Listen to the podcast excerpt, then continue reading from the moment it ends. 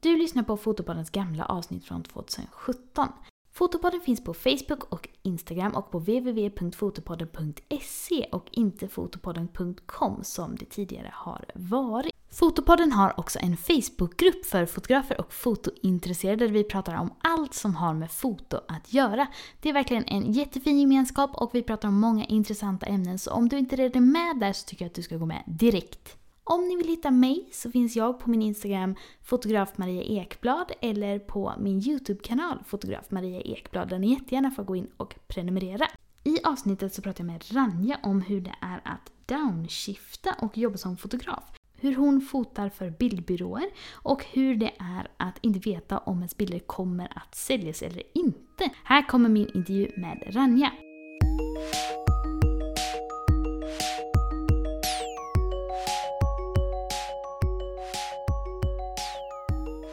Hej och välkomna till ett nytt avsnitt av Fotopodden. Idag har jag med mig Ranja Röntoft här på Skype.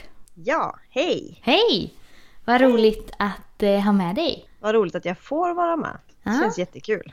Spännande det här ska bli. Ja. Vill du eh, berätta lite om dig själv? ja, det kan jag göra. Eh, Jag heter som sagt Ranja och eh, jag bor ute på landet uppe i Norrland Mm. och eh, frilansar som fotograf och influencer. Mm. Och vad fotar du? Just nu så blir det mycket eh, om mitt liv på landet och natur och friluftsliv. Och så slinker det väl in lite matbilder och en massa bilder på mina katter och kaffe och sånt som jag tycker om. Mm, vad roligt. För hur länge har du bloggat? Ja, hur länge har jag bloggat? Sen 2010 kanske, om inte lite tidigare. Men har det varit en fotoblogg eller fotoinriktad blogg hela tiden? När jag började så var det väl mycket mer än fotoblogg än vad det är nu. Mm. Eh, när jag höll på att lära mig foto och även när jag utbildade mig så skrev jag jättemycket om det. Mm. Nu skriver jag mer om mitt liv och min vardag. Och då, då har du bloggen bland annat som inkomstkälla och blandar med lite olika fotouppdrag då, eller? Precis, med bloggen och sociala medier så jobbar jag ju som en influencer eh, och kopplar ihop varumärken med min livsstil och mina värderingar. Men att jag tar foton spelar ju in där och eh, väger ju tungt i jobbet jag gör med min blogg. Ja, men absolut. Det måste ju påverka jättemycket med varumärke och vad man visar och sådär. Exakt, så det är ju en, en styrka som jag använder mig av att jag är fotograf i grunden och kan leverera väldigt bra bildmaterial också. Mm. Men för du gick på fotoskolan i Göteborg, eller hur? Jajamän, Mm, och när slutade du där? 2012 måste det vara som jag tog examen där. Har du då sedan dess utvecklat fram din blogg till vad den är idag? Så, eller här, fanns det spår av det redan från början? Nej, det fanns det nog inte. Då var det som sagt, jag skrev jättemycket om utbildningen och min utveckling som fotograf. Mm. Och i samband med flytten från Göteborg hit upp till Norrland och landet så skiftade väl bloggen sakta fokus och blev det den är idag. Så det har varit en, en lång process. Mm. Ja, vad spännande, för det är ju ett väldigt eh, roligt sätt att kunna jobba med foto och eh, försörja sig på, tänker jag. Absolut, det är jättekul. Jag får ju fotografera precis vad jag vill och lägga upp bilder på bloggen och skriva om det. Men det finns ändå en möjlighet att det kan ge en inkomst. Så att det är väldigt fritt och sådär, vilket är jättekul. Mm. Men hur är det att eh, skapa content och så, och jobba utifrån sitt eget liv? Det är ju väldigt roligt samtidigt som det är lite svårt att slappna av och inte jobba. Ja, just det. Varenda grej som händer i mitt liv kan ju potentiellt vara något bra till Instagram eller ett blogginlägg. Eh, Så det gäller att hitta balansen men det är också väldigt roligt. Mm. Ja, det måste ju vara att man hela tiden eh, är på jobbet då, på sätt och vis. Ja, det är man ju. På gott och ont. Ja, just det. Men, eh, och hur har du kommit fram till vad du vill att din blogg ska handla om nu då? Och dina bilder och så. Det började väl med att det blev en så påtaglig skillnad i liv från att bo i stan till att flytta ut på landet i Norrland. Så det blev ju mer naturbilder och mer lantliv. Och sen märkte jag ju att jag tyckte om det och att det gav bra respons. Och så fortsatte det. Och sen har jag ju blivit mer och mer intresserad av hållbarhet och slow living. Och börjat skriva mer om det och hamnat i sådana sammanhang och så har liksom den här bollen bara fortsatt rulla åt det hållet. Mm. För de som inte vet vad slow living är, vill du berätta lite om det? Mm. Jag förespråkar ju slow living eller att downshifta, mm. vilket innebär att man försöker leva ett lugnare och eh, enklare liv där man kanske bor lite mindre och eh, konsumerar lite mindre. Eh, vilket gör att man har råd till att arbeta mindre och istället leva lite mer. Mm. Det låter som en väldigt bra kombination och samtidigt frilansa. För det är ju ganska många som kan tycka det är lite kämpigt med inkomst och så.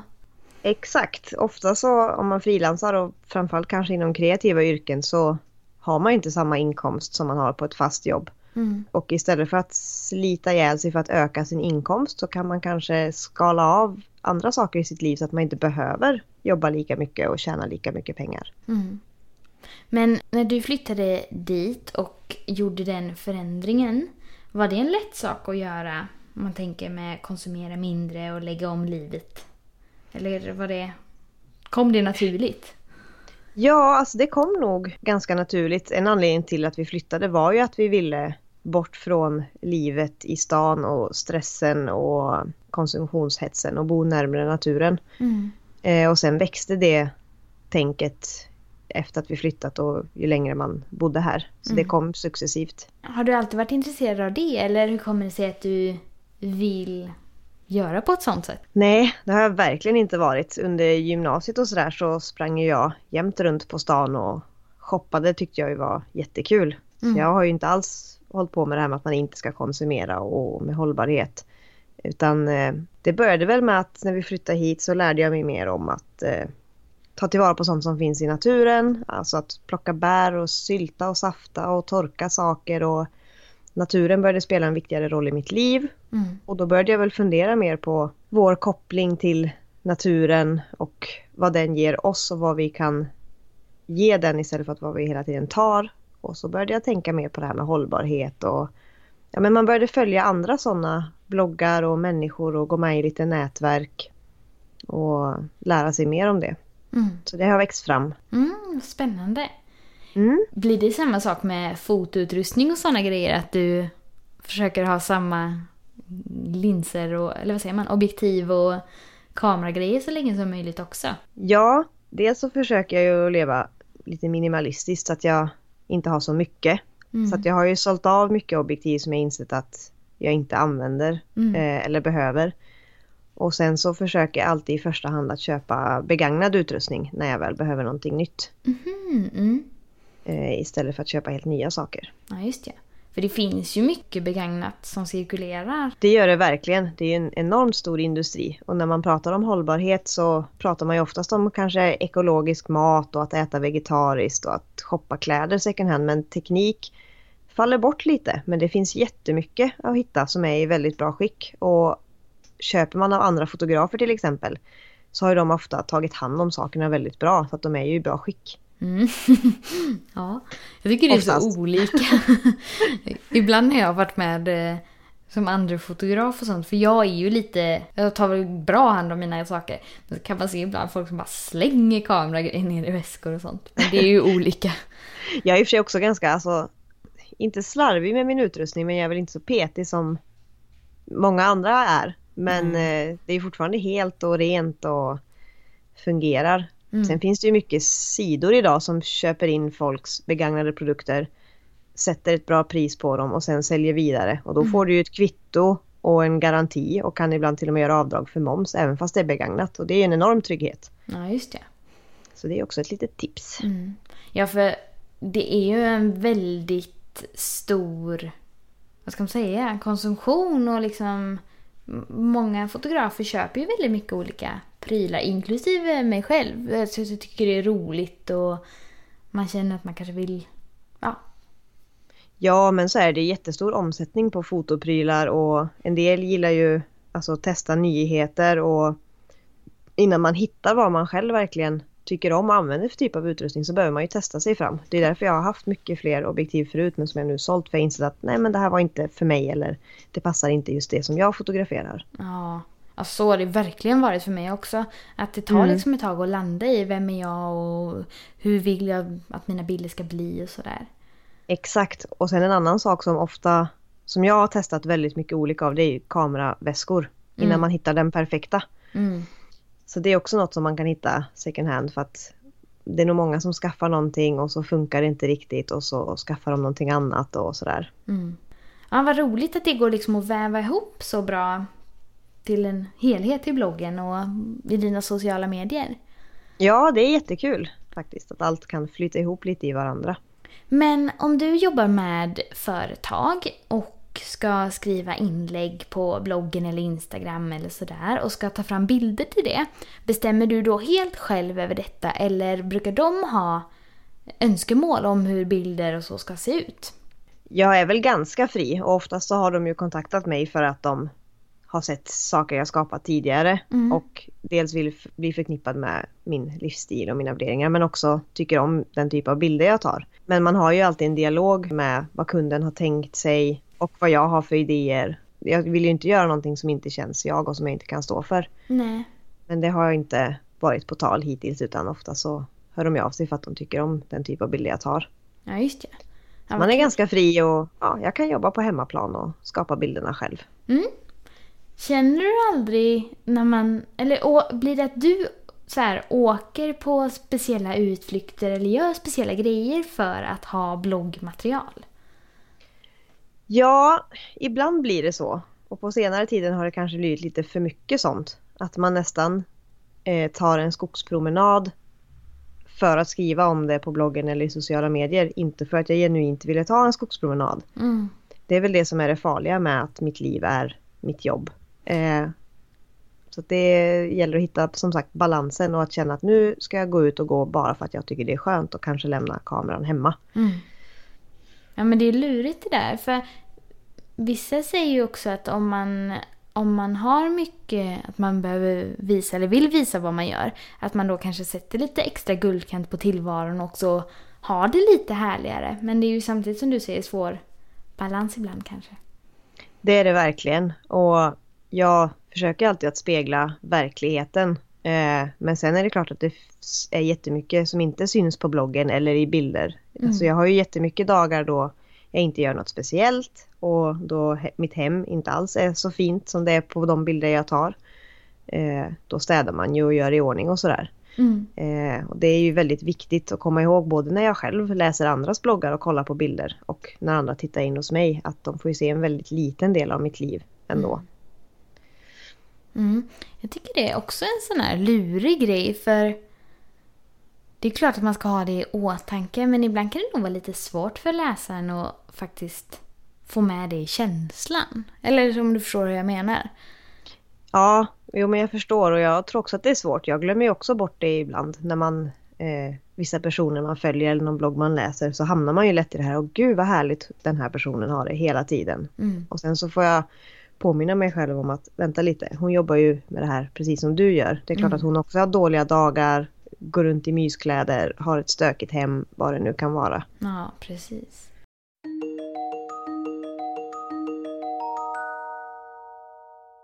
Jag tänkte också att vi kunde prata lite om eh, bildbanker. För du jobbar, mm. bildbyråer. För du Precis. jobbar mot några, eller en va? Jag jobbar mot en, eh, en svensk byrå som heter Skandinav. Mm. Och där har jag väl varit med sen, ja, när gick jag med där? 2014 kanske? Mm. För hur fungerar det då?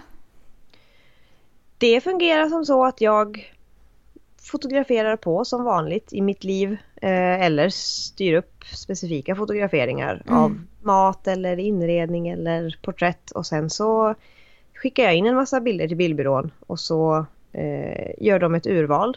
Eh, de har ju jättestor koll på marknaden och vad kunder tycker om. Mm. Och så säger de att ja men av de här 20 bilderna så tror vi att de här 10 kommer vi kunna sälja. Mm. Och då redigerar man dem och skickar in dem högupplöst. Och sen hjälper bildbyrån till med att sätta relevanta liksom, taggar och så sökord.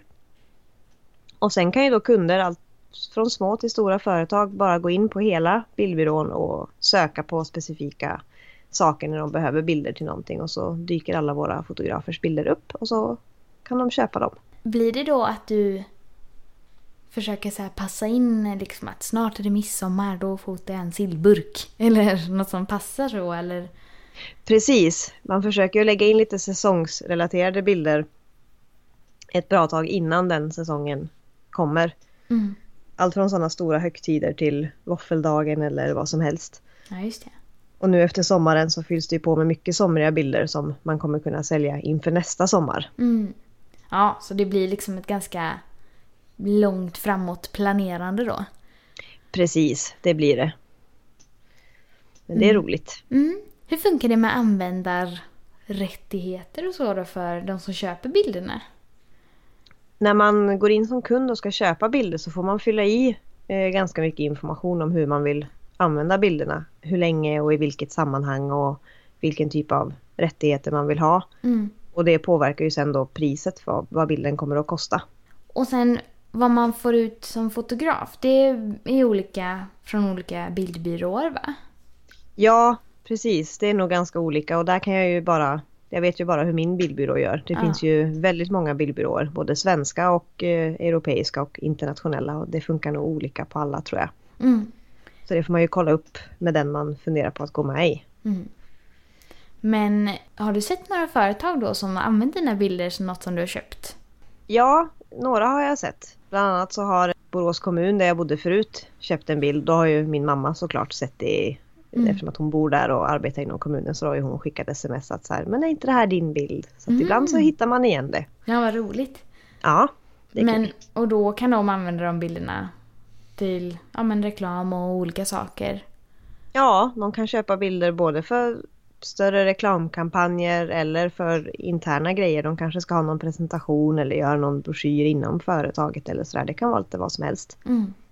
Men hur känns det då? För då har man ju egentligen inte riktigt kontroll på vem som köper bilden och vem som använder den. Nej, det har man ju inte och det är ju spännande. Man Mm. vet ju aldrig riktigt i vilket sammanhang eh, de hamnar. Bildbyråerna har ju lite policies så att det liksom ska vara eh, sunda värderingar, eh, inget som eh, rör politik och religion tror jag och lite sådana där saker. Mm. Eh, och sen är det jätteviktigt att man har modellrelease från alla man fotograferat och att de förstår hur det funkar med en bildbyrå och att man inte riktigt vet vart bilder hamnar. Det är Mm. jätteviktigt. Mm. För det kan jag ju tänka mig just med eh, politik och religion eller så om det skulle vara något som man absolut inte står för. Och så är det någon bild på ett barn eller en själv eller alltså något så. Exakt, men där eh, har ju bildbyrån lite koll och sen kan vi fotografer även skriva in små meddelanden som hör till bilderna att den här mamman och barnet vill inte synas i sådana här sammanhang till exempel och så ligger den informationen tillsammans med bilden. Ja okej, ja, ja. Så då finns det lite styrning då då? Ja, det gör det, absolut.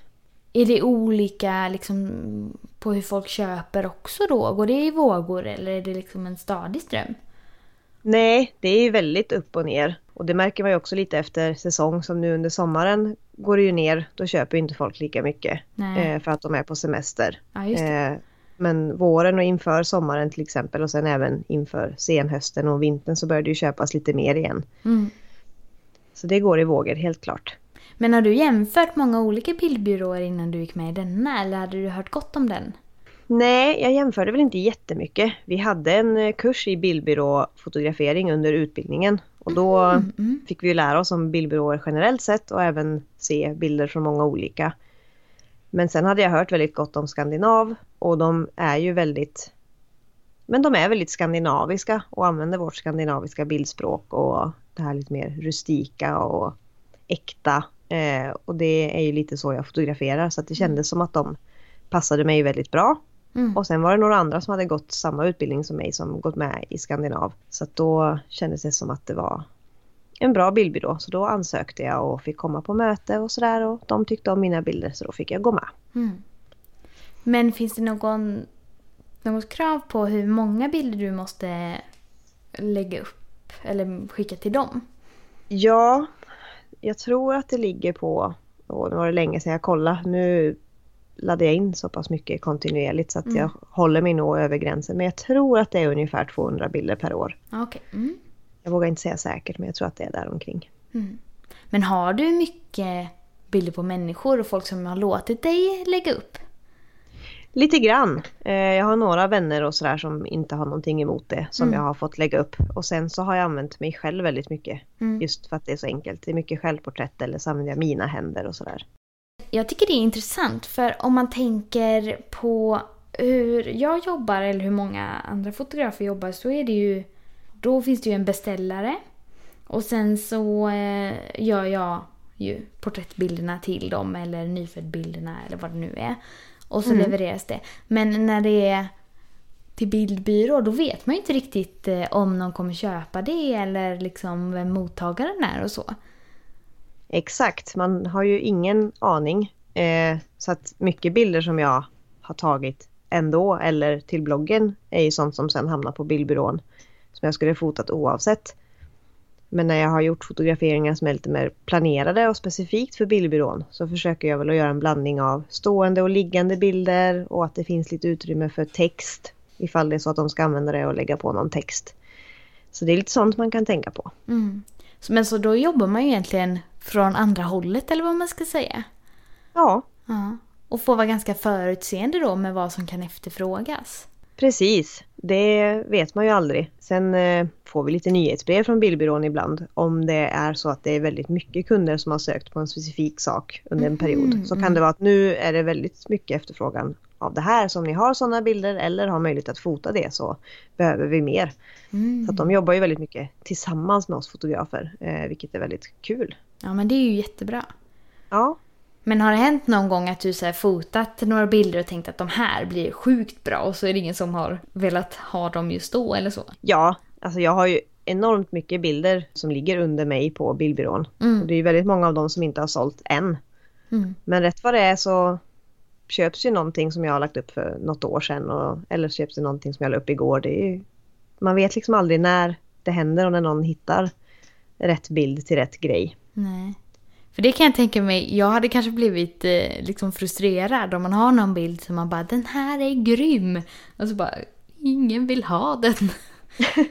Ja, alltså i början precis när jag gick med så var det väl lite så. Det tog också ett tag innan det kom igång att man började sälja. Mm.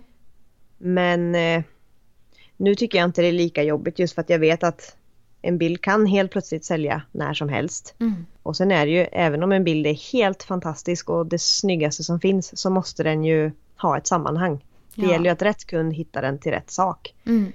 Och sen är det ju som sagt mycket bilder som jag hade tagit ändå. Så det känns inte som att jag har lagt ner massvis med tid i onödan. Ja men då flätas det ju samman väldigt bra med det övriga också. Precis, alla bilder som jag tar till bloggen som inte är för något samarbete med företag kan jag ju sen lägga in i bildbyrån så att de får liksom en andra chans. Mm, just ja. Andra chansen. Ja, eller liv en gång till eller Ja. vad man ska säga. Så det är ju väldigt bra. Mm. När du har jobbat som influencer och då med olika företag, har det också vuxit fram då med olika företag och så? Ja, alltså när jag började blogga och även efter att vi flyttat hit så hade jag inte en tanke på att bloggen kunde vara ett jobb. Det Mm. var ju mer en, en dagbok och ett sätt att skriva om min vardag och sådär. Något jag tyckte var roligt och ett sätt att visa upp mina bilder. Mm. Men sen blev jag inbjuden att gå med i ett bloggnätverk Mm. eh, med fokus på hållbarhet. Och där någonstans så började jag inse att jaha, men det kanske finns någonting i det här med bloggande också. Mm.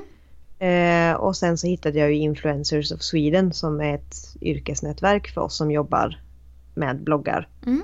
Och med dem har, via dem har jag fått jättemycket hjälp med men hur branschen fungerar, hur man prissätter, hur man arbetar med företag, hur man reklammärker inlägg och allt sånt där. Och då har det ju gett en mycket kött på benen att fortsätta jobba med sånt här. Ja, men precis. Men kontaktade du företag i början då? Eller kom de till dig? Jag har kontaktat ganska mycket företag och presenterat mig själv lite och vad min blogg handlar om och att jag tycker att det vore kul att arbeta tillsammans med dem och att deras produkter eller tjänster passar väldigt bra ihop med min blogg och mina värderingar. Och så har man skrivit lite om hur den här influencerbiten fungerar för det är fortfarande väldigt nytt. Det är många företag som inte har koll på det än. Mm. Och så har man försökt att få in lite jobb den vägen. Mm. Ja men det är ju jättebra för då kan man ju verkligen så här pinpointa vad vill man nå ut med och vad vill man skapa och skriva om och fota. Exakt. Men jag tänker, eh, har du eh, några tips om det är någon som blir inspirerad till att eh, downshifta lite och kunna frilansa och ja, lägga om livet lite för att få möjlighet till detta? De största förändringarna som jag har gjort är väl att bo på mindre yta och försöka komma billigare undan med hyra och sådär. Mm. Så att man inte behöver lägga så mycket pengar på det. Mm. Och sen att man konsumerar mindre och smartare. Mm. Eh, för vi behöver ju inte alls så mycket saker som vi tror att vi behöver. Så att jag försöker både konsumera mycket mindre, både när det kommer till kläder, prylar, mat. Och sen när jag väl konsumerar så försöker jag verkligen att tänka till. Äta mer vegetariskt för att det är lite billigare. Unna mig liksom att gå ut och äta eller kött och sånt där lite mer sällan. För då njuter man lite extra av det också. Mm. Och så att man handlar mer second hand kanske när man verkligen känner att man behöver någonting. Mm. För då behöver jag inte få in lika mycket pengar varje månad och då behöver jag inte jobba lika mycket och det fungerar väldigt bra med frilanslivet. Och jag arbetar ju hemifrån så att jag har inget kontor som kostar en massa pengar heller. Mm. Nej, för det låter ju ändå väldigt käckt för om man får in eh, mycket pengar så är det ju en bonus då. Exakt. Mm. Och sen, jag tar ju mycket bilder och arbetar på ett sätt där jag kan skapa hemifrån. Jag behöver inte resa sådär jättemycket för mm. att åka iväg och fotografera eller fota mycket modeller utan jag kan göra ganska mycket på hemmaplan. Vilket också är billigare såklart. Mm. Men det här med att ändra om, om man är van att leva på ett sätt, är det inte en eh, plågsam process? jo, det är klart att det inte är lätt. Mm. Eh, och jag älskar ju fortfarande att shoppa. Mm. Eh, och det är ju svårt att låta bli, absolut. Men att jag bor ute på landet tror jag har hjälpt mig mycket. Mm. Eh, för att jag rör mig inte inne i stan bland en massa butiker som jag gjorde förut. Mm. När vi bodde i Göteborg så gick man ju ofta i stan och det var ju väldigt lätt att glida in i butiker, kolla på massa fina saker och falla lite för att shoppa. Mm. Eller fika mycket med kompisar och sådär. Nu är jag ju väldigt sällan i stan och ofta så ses vi hemma hos någon och lagar mat ihop eller fikar och sådär. Mm. Eh, vilket gör att det blir enklare. Men om man bor kvar i stan och ska lägga om så tror jag att det är mycket svårare mm. att låta bli. Ja, det finns ju en del frestelser såklart. Mm, det gör ju det. En sak man kan göra innan man åker in till stan eller ska gå i butiker så kan man ju fundera när man redan när man är hemma fundera, är det någonting jag verkligen behöver? Nej, det är det inte. Eller ja, en eh, jacka men inget annat. Och sen tar man med sig det som du går in i en butik och hittar någonting fint. Men vänta nu, behövde jag den här saken innan jag gick in här och ens visste om att den fanns? Mm. Nej, det gjorde jag inte. Och då kan man låta bli att köpa den. Och sen kan man ju låta det gå ett par veckor om man inte kan sluta tänka på den här saken eller verkligen känner att jo men jag behöver nog faktiskt den bara det jag inte visste om det. Då kan man återvända och köpa den sen. Ja, så att man inte gör de här spontana utan att tänka sig för. Och är det även så du tänker med kameragrejerna då? Ja, det är det. Mm. När jag får någon idé om att jag vill köpa ett nytt objektiv och sådär. Så brukar jag ju ja, men surfa runt och läsa på lite om dem och jämföra mycket och sådär.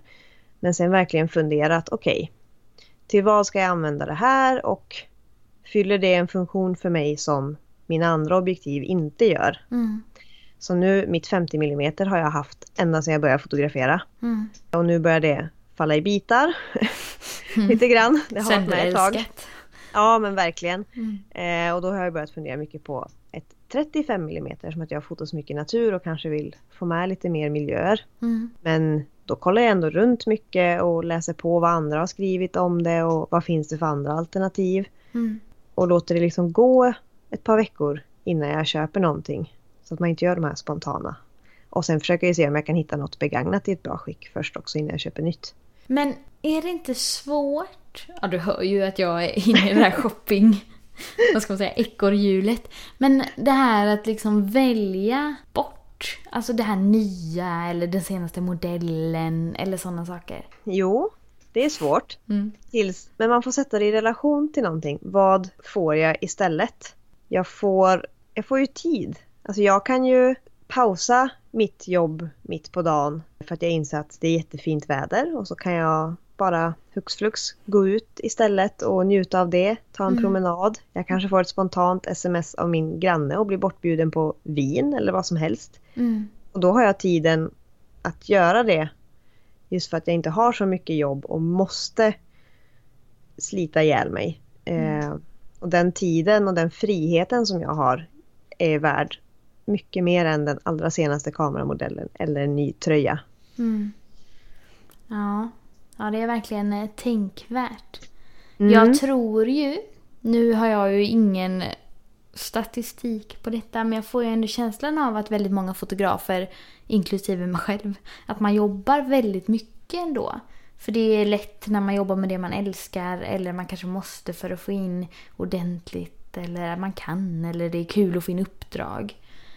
Mm, jag tror också att vi, vi älskar ju det vi gör och det är svårt att inte jobba. Mm. Och sen tror jag vi behöver jobba mycket mer för att jobben ska komma in, i alla fall till en början tills vi har fått snurr på våra företag. Mm. Så vi jobbar nog väldigt mycket överlag. Mm. Så Ja, det är bra att kunna sakta ner lite i vardagen. Ja, precis. Jag tycker verkligen det är jättespännande. Att det Mm. liksom inte finns bara en väg och den ska alla följa eller så. Precis. Och sen, jag menar, jag har ju gjort på ett sätt som verkligen har flyttat upp till lugnet i Norrland och ut på landet. Mm. Men det går ju att hämta inspiration i det och ta vissa bitar men ändå leva kvar i stan eller sådär. Mm. Man måste ju inte vara riktigt så extrem som jag och bo i ett litet hus på landet och vara ute och plocka bär och göra sin egen sylt och sådana saker. Ja, precis. Man kan plocka russinen ur kakan om man vill. Exakt. Mm. Har du några tips om man vill eh, fota lite mer för att få igång en blogg eller så då? Jag försöker ju tänka mycket att man i vanliga fall om man skapar så kanske man tycker det är kul att ta en bild eller två som blir jättefina. Mm. Men eh, i blogginlägg om du skriver om någonting du har varit iväg och gjort eller tankar och funderingar du har så kanske man behöver lite fler bilder som en bildserie. Mm. Att man försöker att kombinera bild på en miljö man varit i med någon närbild, kanske en bild på sig själv. Så att det blir lite som en serie och en historia som berättar någonting eh, som funkar ihop med texten i ens blogginlägg. Ja, men det låter bra. Mm. Då tänker jag att eh, vi ska börja avrunda här. Men om man vill eh, hitta dig och dina bilder, vart går man då? Jag är ju lite sådär jobbig nu så att jag har två bloggar och två Instagramkonton. Mm, Eh, för att jag har valt att skilja lite olika nischer åt. mm, mm, Så att min blogg som handlar mer om mig och mitt liv Mm. heter eh, Rowan Tree. mm, R-O-W-A-N-T-R-E-E. mm. Och, det är eh, Rönn, eller? Precis, eftersom det heter. Rönntoft. Ja. Exakt, Mm. så blev det så. Det var lite jobbigt att ha ett ö i en webbadress. ja, det är klart. Så då fick jag hitta på något engelskt. Mm, Så rowantree.se mm, och på Instagram så heter jag Ranja Maria. mm, Men sen så har jag även startat northboundjourneys.com mm, där jag skriver på engelska. Jag skriver mer om natur och friluftsliv och att resa mer hållbart i Sverige och sådär. mm. Och då har jag också en Instagram till den som heter Northbound Journeys. Så där får ni gå in och kika. Precis, då skulle jag bli väldigt glad. Mig hittar ni som vanligt på fotograf Maria Ekblad på Facebook, Instagram och Youtube. Och Fotopodden finns på Instagram och Facebook. Och ni får jättegärna gå in på iTunes och lämna en recension. Så rankas podden lite högre och syns till ännu fler människor.